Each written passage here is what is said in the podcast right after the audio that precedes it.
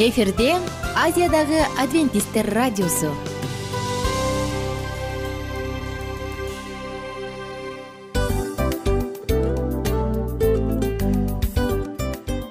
Достор салют. Баардык сүйүктүү угармандарыбызга салам айтабыз. Кутман күнүңүздөр менен. Ден соолук өмүрдүн булагы демекчи саламат саамы программасында баарыңыздарды көргөнүбүзгө абдан кубанычтабыз. Анда алгач амандашып өтөлү арбаңыздар деп. Ден соолугуңуздар кандай элибизде көбүнчө ден соолук кандай дегенде эле жакшы деп жооп беребиз э? ооруп турсак дагы жакшы дейбиз. Анан мен муну айтып ойлойт элем бул абдан сонун сөз депчи анткени бул жакшы деген үмүт да э ооба баары жакшы болот. Баары сонун. Деп үмүттөнүп атып эле өзүбүздү өзүбүз дарылап коебуз.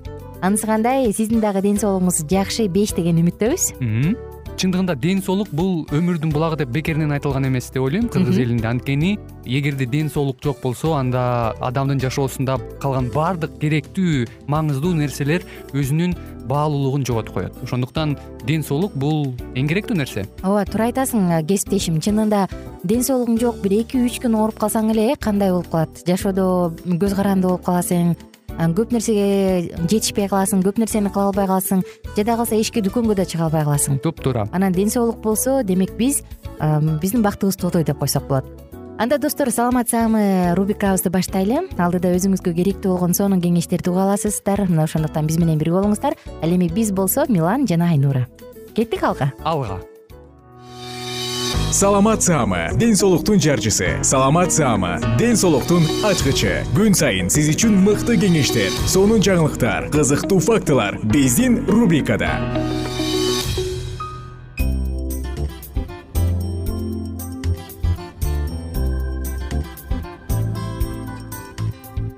Кутман күнүңүздөр менен кадырлуу замандаштар сүйүктүү достор кайрадан сиздер менен саламат саама рубрикасындабыз. Жана бүгүн сиздер менен глютен жакпаса эмне кылыш керек? Глютен жөнүндө сөз кылалы деп турабыз.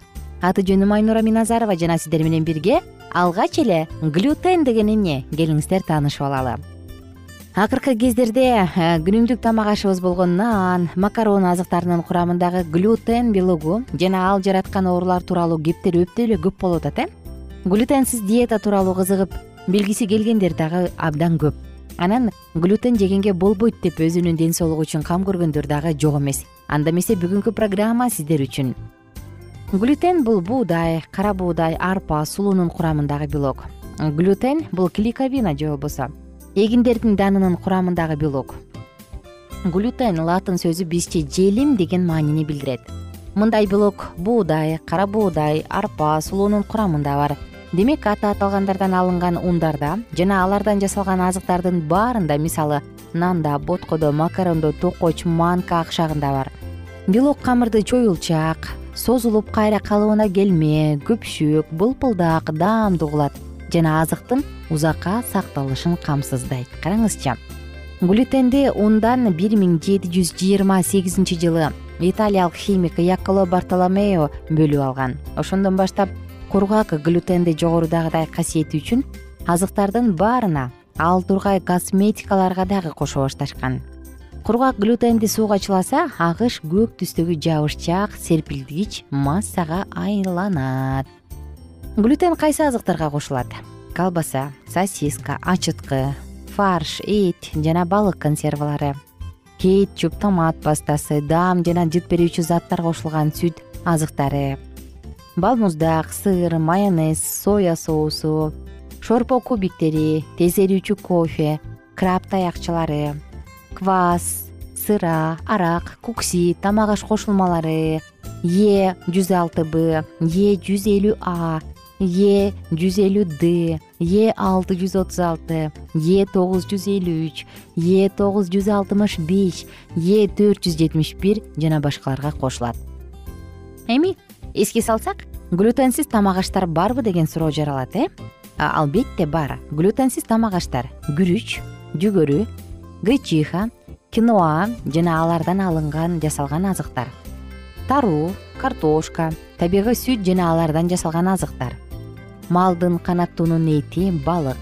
Жашылча жемиштер чай даам жана жыт берүүчү заттар кошулбаган кофе какао ширелер глютен жөнүндө укканда эле целиакия жөнүндө сөзсүз угабыз э? Целиакия бул деги эле эмне деген оору? Бул ичегинин глютенди сиңирбей турган оорусу.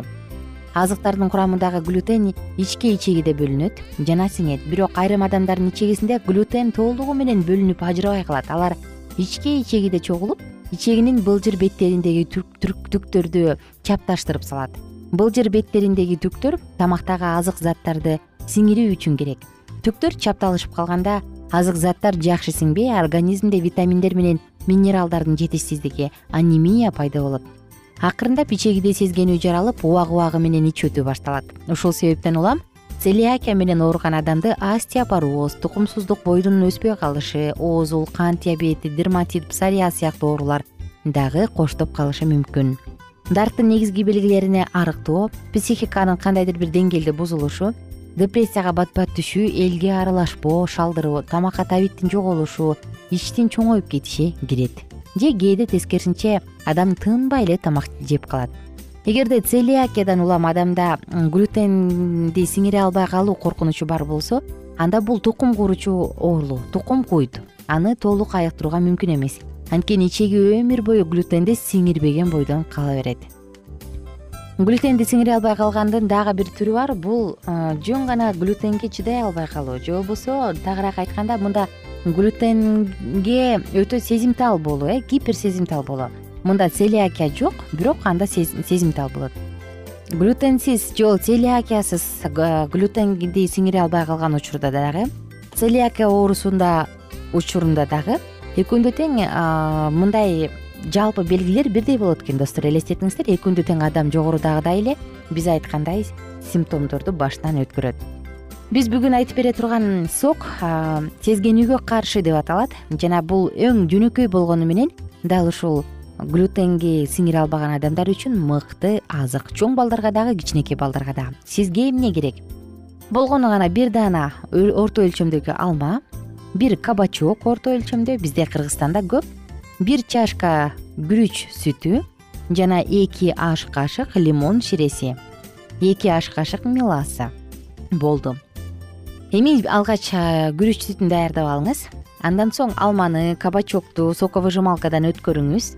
Анан ушул пайда болгон сокко күрүчтүн сүтүн кошуп лимондун ширесин кошуп же потока кошуңуз дагы болду.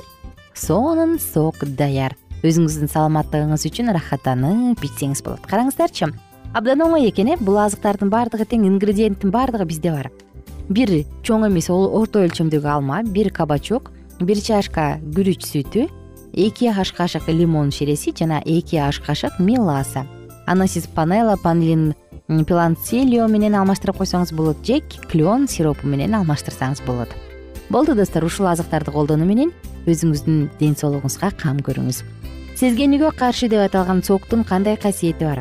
Ичеги карынды жумшартат ичеги өткөндө мыкты сонун каражат жана сезгенүүгө каршы. Чоң адамдар дагы кичинекей адамдар дагы баары ичсе болот. Мына достор ушундай. Биздин угармандарыбызга кааларыбыз эч качан оорубаңыздар деген гана тилегибиз бар. Бул айтылган соктун курамын айта турган болсок адамда бир суткага керектүү болгон б с витамининин жыйырма бир пайызы б эки витамининин он алты пайызы б алты витамининин он алты пайызы. Магний калий селен темир витамин б бир цинк жана башка сонун мыкты азыктардын баардыгы камтылган. Оорубаңыздар достор. Ичеги карынга көңүл буруп өзүңүздүн саламаттыгыңыз үчүн күрөшүңүз. Кайрадан амандашканча бар болуңуздар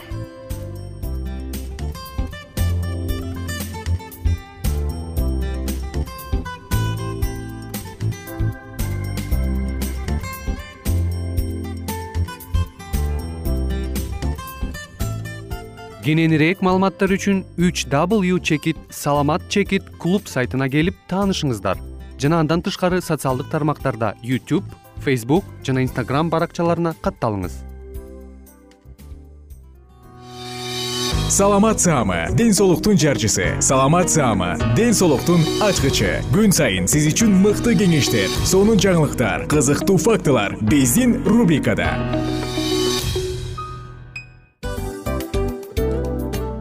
салам достор. Кайрадан биздин сүйүктүү рубрикабызга кош келиңиздер деп айтмакчыбыз. Баардык замандаштарыбызга арбаңыздар деп саламыбызды айтабыз. Улуу ушундай бир э, урматтаган учурашуу менен анан дил маек радио баракчабызга чакырабыз. Негизи дил маек биздин рубрикабызда эмне жөнүндө кеп кылабыз бул дил маектин мааниси эмнеде рубрикабыз менен кичине тааныштырып кетсеңиз. Сөзсүз түрдө тааныштыра кетейин кесиптешим суранычы боюнча бул учурда бул радио баракчада биз ар тарап кесип ээлеринен сонун кеңештерди алабыз сүйлөшөбүз сырдашабыз. Аталарыбыздын эжелерибиздин апаларыбыздын кеңештерин угабыз айтор. Жан дүйнөгө адамдын э, сапатына адамдын деги эле адам болуп жашашына керектүү баардык кеңештер алдыда. Негизи э, дил маек дегенде баягы эки адамдын ортосундагы сырдашуу кенен сүйлөшүү. Негизи эле биз адамдар бири бирибиз менен бир жерге жай жерге отуруп алып өзүнчө тынч э, жашоо жөнүндө өмүрүбүздө эмне болуп атканын бөлүшкөнү жакшы көрөбүз э адамдар. Ооба туура айтасың анан мындай учурга кээде убакыт да жетпей келет э? Же болбосо сырыңды кайгыңды муңуңду кубанычыңды айткың келет адамга ишенбешиң мүмкүн. Ооба. А бул радио баракча угармандарыбыздын чыныгы досу анткени бизден алган кеңеш сиздин жашооңузга чоң жардам берет. Ал эми сиздин бизге айта турган сөзүңүз ортодо гана сыр бойдон калат. Ошондуктан биздин дил маек рубрикабызга дагы бир жолу кош келиңиздер. Жана биз даярдаган маалыматтарга даяр болуңуздар. Айнура жана милан сиздер менен бирге алдыга кеттик ар түрдүү ардактуу кесип ээлеринен. Алтын сөздөр жүрөк ачышкан сыр чачышкан сонун маек. Дил маек рубрикасында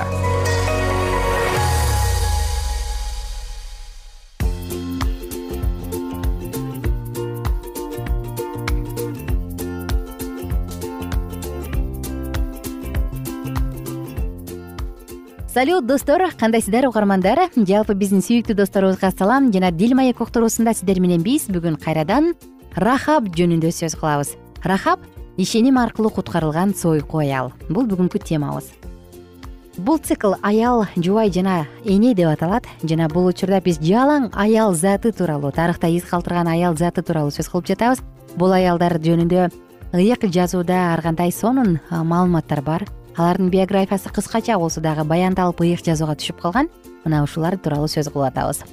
Рахаб жөнүндө бир аз эскерте кетсек биз мурунку уктурууда рахаб жериходо жашаганын анан үйүндө ал конокторду жолоочуларды кабыл алып аларга төшөк кызматын көргөзгөнүн айтканбыз э? Сойку аял болгон тагыраак айтканда.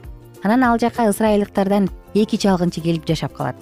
Анан рахаб алар менен э, келишим түзөт мен силерди качырып куткарып калайын. Силер болсо мени жана үй бүлөмдү жакындарымды алар менен жашагандардын баарын куткарып калгыла деп үйүнүн терезесине байланган кызыл аркан шарттуу белги болушу керек деп ушундай келишим түзөт. Андан ары улантабыз. Библиянын айрым талкуулоочулары терезеге байланган кызыл аркан рахабтын абийирсиз кесибин билдирип турушу керек болгон деп болжомолдошот. Бул мындайча айтканда анын кызыл фонары болчу ошол себептен мындай белги шектенүүнү пайда кылбашы керек болгон. Бул белгини көргөндө эч ким аны чыккынчы деп шек санамак эмес. Бирок ушундай болушу толук мүмкүн деп айтууга да болбойт. Кандай болгон күндө дагы бул түзүлгөн келишим дегенди билдирет. Рахаб суздук турган жок. Жүйүт жеринен келген чалгынчылар кетери менен ал үйүнүн терезесине кызыл арканды байлап койду. Башка үйлөрдүн ичинен өзүнүн үйү дароо көзгө урунаарына көзү жеткидей болушу керек адамдардын ал турууга ишенбеген адамдардын баардык нерсеге олуттуу мамиле кылышы кудайга жагымдуу. Кийинчерээк ыйса өз шакирттери жөнүндө айтып жатып бул тууралуу мындай деген. Бул дүйнөнүн адамдары өз өңдүүлөрү менен мамилелешкенде жарыктын уулдарына караганда акылдуураак. Бир жумадан кийин кудай кызыл деңизде көрсөткөн кереметин дагы бир жолу көрсөттү. Суу кайрадан экиге бөлүндү бул учурда суунун жээгинен ашып ташкындап турчу иордандан ысрайылдыктар кургак жер менен өтүштү. Эгерде рахабтын үйү дубалдын чыгыш тарабынан орун алган болсо ал бул керемет кандайча болгонун көрмөк. Анткени баардыгы түз жерде орун алган жерихо шаарынын маңдайында болуп өткөн. Ал жерден иордан даана көрүнүп турчу. Бир нече күндөн кийин рахаб шаардын дубалдарын тегеренип үйүн катпай басып жүрүшкөн ысрайылдыктарды көрдү. Дарбазалар бекем жабылган.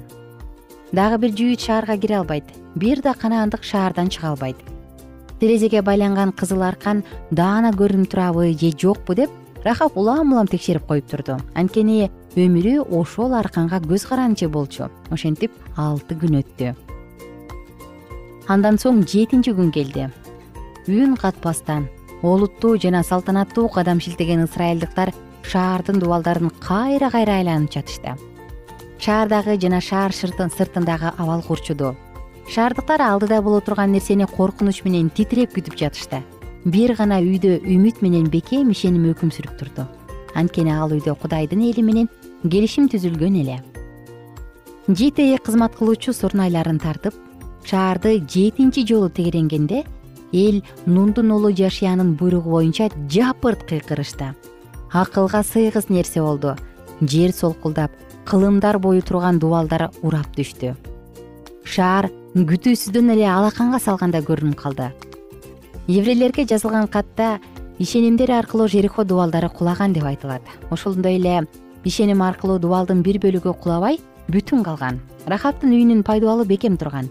Эки тарап тең айткандай сөздөрүнө турушту рахаб өзүнөн талап кылынган нерсени кылды. Кудай аны ишеними үчүн аман алып калды. Кудайдын жеңерине рахаб абдан бекем ишенгендиктен ал туугандарынын баарын өзүнүкүнө көчүп келүүгө ынандыра алган. Алардын эч кимиси өлгөн жок. Рахаб падыша кыла албаган нерсени кылды. Тактап айтканда өзүн билбеген бирок кереметтерин көрсөткөн кудайга ишенди рахаб абийири төгүлүп жаманаттуу болгон күнөөкөр аял эле ошентсе да анын жүрөгүндө ишеним жашаган. Рахабтын ишеними абдан күчтүү болгон ошол ишеними аны күнөөсүн жеңип ишенимине жараша иш кылууга түрттү. Муну ал жөнүндө жазган жакып белгилеген.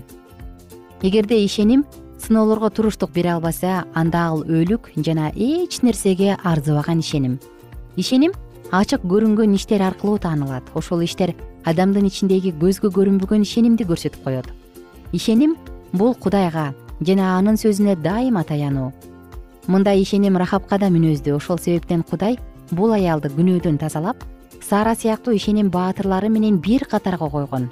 Ишенимдин баатырлары болгон көптөгөн эркектердин арасында ушул эки аялдын гана аттары аталат рахаб да сара сыяктуу эле ишеним баатырыбы? Ооба. Анткени кудайдын колунан келбеген эч нерсе жок жана кудайда бет карамалык жок ал күнөөлөрдү актайт. Рахабтын тарыхы ушуну менен бүтүп калбайт. Жерихонун дубалдарынын кулашы менен анын тарыхы жаңыдан гана башталган. Жашоонун маңызы менен мазмунун тактап айтканда кудайды тапкан ал баарын башынан баштаса болот. Анын мурунку кесиби жөнүндө башка эч нерсе айтылган эмес ал адептүү кожойке болду. Ал бутпарас аял жүйүт элинде кабыл алынгандан кийин ысрайылдык салмон аттуу адамга турмушка чыгып эне болгон эгерде ага руттун күйөөсү адилеттүү жана акылдуу бууздун энеси катары баа бере турган болсок ал өз экзаменин бешке тапшырган деп айтууга болот. Рут дөөт падышанын чоң энеси болот. Ошондуктан рахаб ыйса машаяктын санжырасына кирген баардык жүйүт аялдарынын арасында анын артыкчылыгы мына ушунда. Ишеним аркылуу. Жашоого ишеним аркылуу караган адамдын алдында кандай кеңири жана эң сонун мейкиндиктер ачылат достор биз сиздер менен ушул жерден саатыбызды токтотобуз. Кийинки уктуруубузда пенина жөнүндө сөз кылабыз. Ал ким болгон кандай аял болгон? Бул тууралуу кийинки уктурууда. Ал эми азыр саатыбызды жыйынтыктап жатып баардык угармандарыбызга кааларым. Көңүлдүү кеч көңүлдүү күн көңүлдүү таң. Бүгүнкү күнүңүздөр дагы сонун маанайда улансын. Жалпыңыздарга кааларым тирүү ишеним. Ишеним бул ишеним. Жана дагы бир жолу ишеним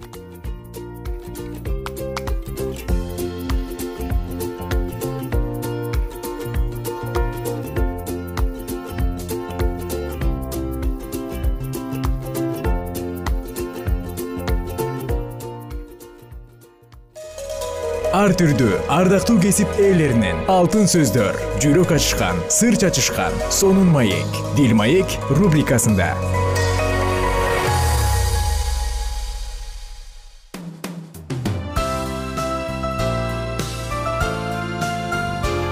Эфирде азиядагы адвентисттер радиосу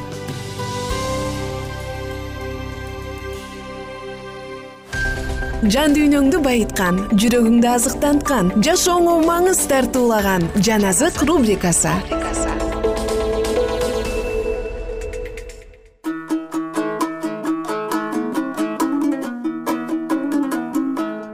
Салам достор саламатсыздарбы угармандар жалпыңыздар менен биз кайрадан жан азык уктуруусундабыз жан дүйнөбүздү азыктандыруучу сонун учур сонун булак бир сиздер менен бирге инжил китебинен жазылган элчилердин иштери деп аталган китепти бирге окуп жатканбыз бүгүн андан ары улантабыз. Бир аз эске сала кетсек мурунку уктурууда пабылды эл оозуна алып келип фарисейлер менен садукейлер анын эмне себептен күнөө кылгандыгын же эмне себептен адамдар аны камап койгондугун билгенге чогултушкан. Ал жерден пабыл мен өлгөндөрдүн тирилүүсүнө ишенем деген үчүн талаш чыгып кетет дагы аны миң башы кайрадан камакка алып келип коет түнкүсүн ага теңир көрүнүп иерусалимде кандай күбөлөндүрсөң римде да мен жөнүндө ушундай күбөлөндүрүшүң керек кайраттан деп айтып кеткен. Бүгүн уктуруубузду андан ары улантабыз. Элчилердин иштери жыйырма үчүнчү бөлүм он экинчи аяттан ары. Таң атканда бир нече жүйүт өз ара сүйлөшүп пабылды өлтүрмөйүнчө эч нерсе жебөөгө жана ичпөөгө ант беришти. Ант бергендердин саны кырктан ашык болчу алар башкы кызмат кылуучулар менен аксакалдарга келип биз пабылды өлтүрмөйүнчө эч нерсе жебейбиз деп ант бердик. Ошондуктан силер азыр снедрион менен бирдикте миң башыдан пабылдын ишин толугу менен карап чыгабыз. Ошондуктан эртең аны бизге чыгарып бер деп сураңгыла биз болсо аны бул жердиге жакындай элегинде эле өлтүрүүгө даяр болуп турабыз дешти. Алардын бул арам оюн пабылдын жээни угуп калып аскерлер үйүнө барып пабылга билдирди пабыл жүз башылардын бирин чакырып бул жигитти миң башыга алып барчы анткени мунун ага турган айта турган сөзү бар экен деди. Тиги аны миң башыга ээрчитип барды да туткун пабыл мени чакырып бул жигитти сага алып келүүмдү өтүндү мунун сага айта турган сөзү бар экен деди. Миң башы жигитти колунан кармап четке чыгарды да мага айта турган кандай сөзүң бар деп сурады. Жигит ага жүйүттөр пабылдын ишин толугу менен карап чыгабыз демиш болуп аны эртең снедриондун алдына чыгарып берүүңдү өтүнүүгө макулдашты. Бирок сен алардын өтүнүчүнө макул болбогун. Анткени пабылды алардын кырктан ашык адамы аңдып турат. Алар аны өлтүрмөйүнчө эч нерсе жебөөгө жана ичпөөгө ант беришти. Азыр алар сенин буйругуңду күтүп даяр турушат деди. Ошондо миң башы бул жөнүндө мага билдиргендигиңди эч кимге айтпа деп жигитти кое берди анан ал жүз башылардан экөөнү чакырып түнкү үчүнчү саатка эки жүз жөө аскерди жетимиш атчанды жана эки жүз аткычты кейсарияга барууга даярдагыла. Пабылды мингизип башкаруучу феликске аман эсен жеткириш үчүн унаа да даярдагыла деп буйрук берди. Анан мындай деп мазмундагы кат жазды. Урматтуу башкаруучу феликске клавдий лусийден салам бул адамды жүйүттөр кармап алып өлтүрмөкчү болуп жатышыптыр. Мен анын римдин атуулу экендигин билип аскерлери менен барып куткарып калдым. Андан кийин эмне үчүн айыптап жатышкандыгын билгим келип аны өздөрүнүн синедрионуна алып бардым. Аны өздөрүнүн мыйзамына байланыштуу талаш пикирлер боюнча айыптап жатышкандыгын бирок анын өлүм жазасына тарткыдай же кишендегидей күнөөсү жок экендигин билдим. Ошол учурда мен жүйүттөрдүн бул адамга карата арам оюн билип калып аны дароо сага жибердим.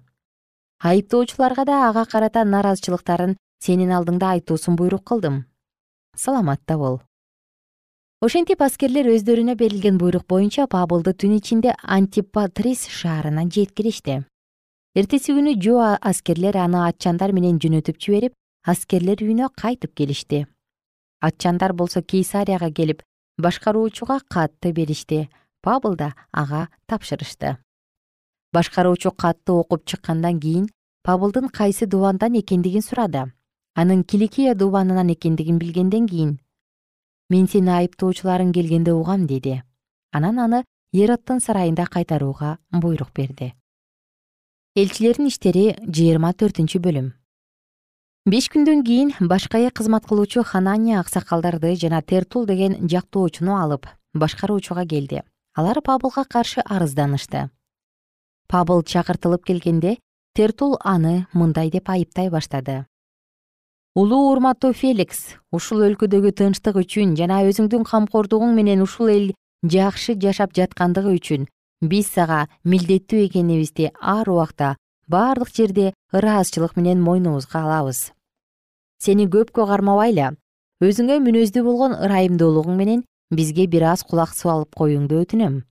Биз бул адамды коомдун тынчын алуучу бүт дүйнө жүзүндө жашаган жүйүттөр арасында козголоң чыгаруучу жана назареттик жалган окутуунун өкүлү деп таптык.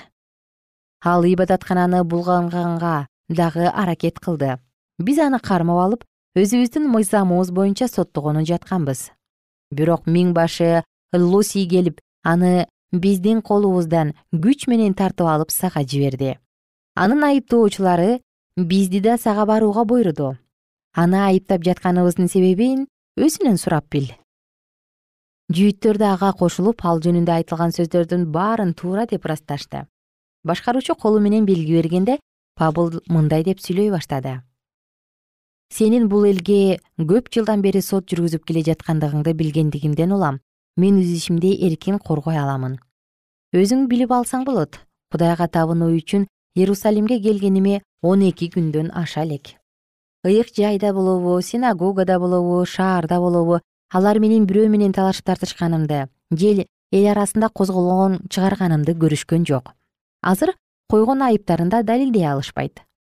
Бирок алар жалган деп эсептеген окутуу боюнча мен чын эле ата бабаларымдын кудайына кызмат кылаарымды тооратта жана пайгамбарлар китебинде жазылгандыгын бардыгына ишенеримди сенин алдыңда мойнума алам.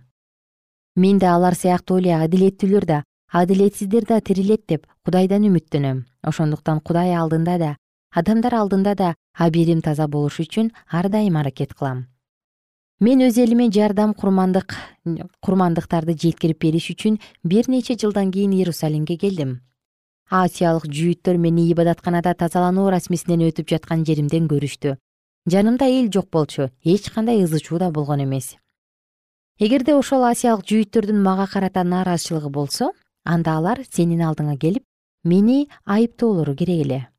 Же болбосо бул жердегилер да синедрион алдында турганымда менден кылмыш табышкан болсо анда айтып беришсин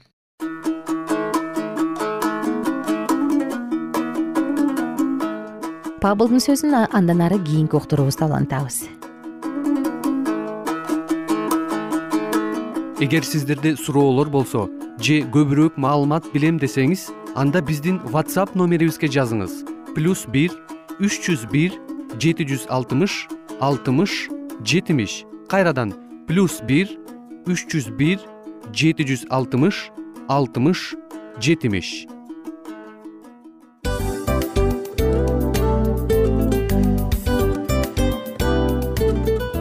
достор биздин радио баракчаларыбыз соңуна келди. Демек бул программабызды дагы жыйынтыктачу учур келдик. Учурга келдик. Анан кесиптешимден сурагым келип турат. Негизи эле иштин башталып атканы кубандырабы сени же жыйынтыгы кубандырабы? Албетте жыйынтыгы. Себеп дегенде сен кылган ишиңдин жыйынтыгын көрүп э, баягы мөмөсүн көрүп дегендей жыргайсың жүрөгүң жемишинен тартып э кандай даамдуу деп. Баягы буудай сепкенде эмес буудай эгинди жыйнагандан кийин ысык нанды жегенде кадимкидей ырахаттанасың го. Ой айтпа туура айта кеттиң сонун салыштыруу болду анан мен дагы абдан кубанып турам. Анткени биз угармандарыбыз үчүн аябай эмгектенип келген уктуруубуздун соңуна келип калдык. Анан эми э, уктуруубуздун соңунда угармандар кандай пайда алып калды экен деп күтүп турам да. Балким э, менин жашоомо өзгөрүү киргизе турган сонун сөздөр болду мен ушул нерсени изилдеп анан кабыл албасам ушул нерсени кылбасам деген чечим чыгарсаңыз анда биз абдан кубанычтабыз. Сөзсүз түрдө. Андыктан кийинки биздин кызыктуу уктурууларыбыздан көрүшкөнчө сак саламатта калыңыздар. Чыдамсыздык менен сиздерди мен милан жана кесиптешим айнура күтөбүз. Баардык угармандарыбызга ийгиликтүү күн каалайбыз. Качан гана болбосун уртуңуздан жылмаюу кетпесин үйүңүздө көмүр жүрөгүңүздө көңүл болсун дейли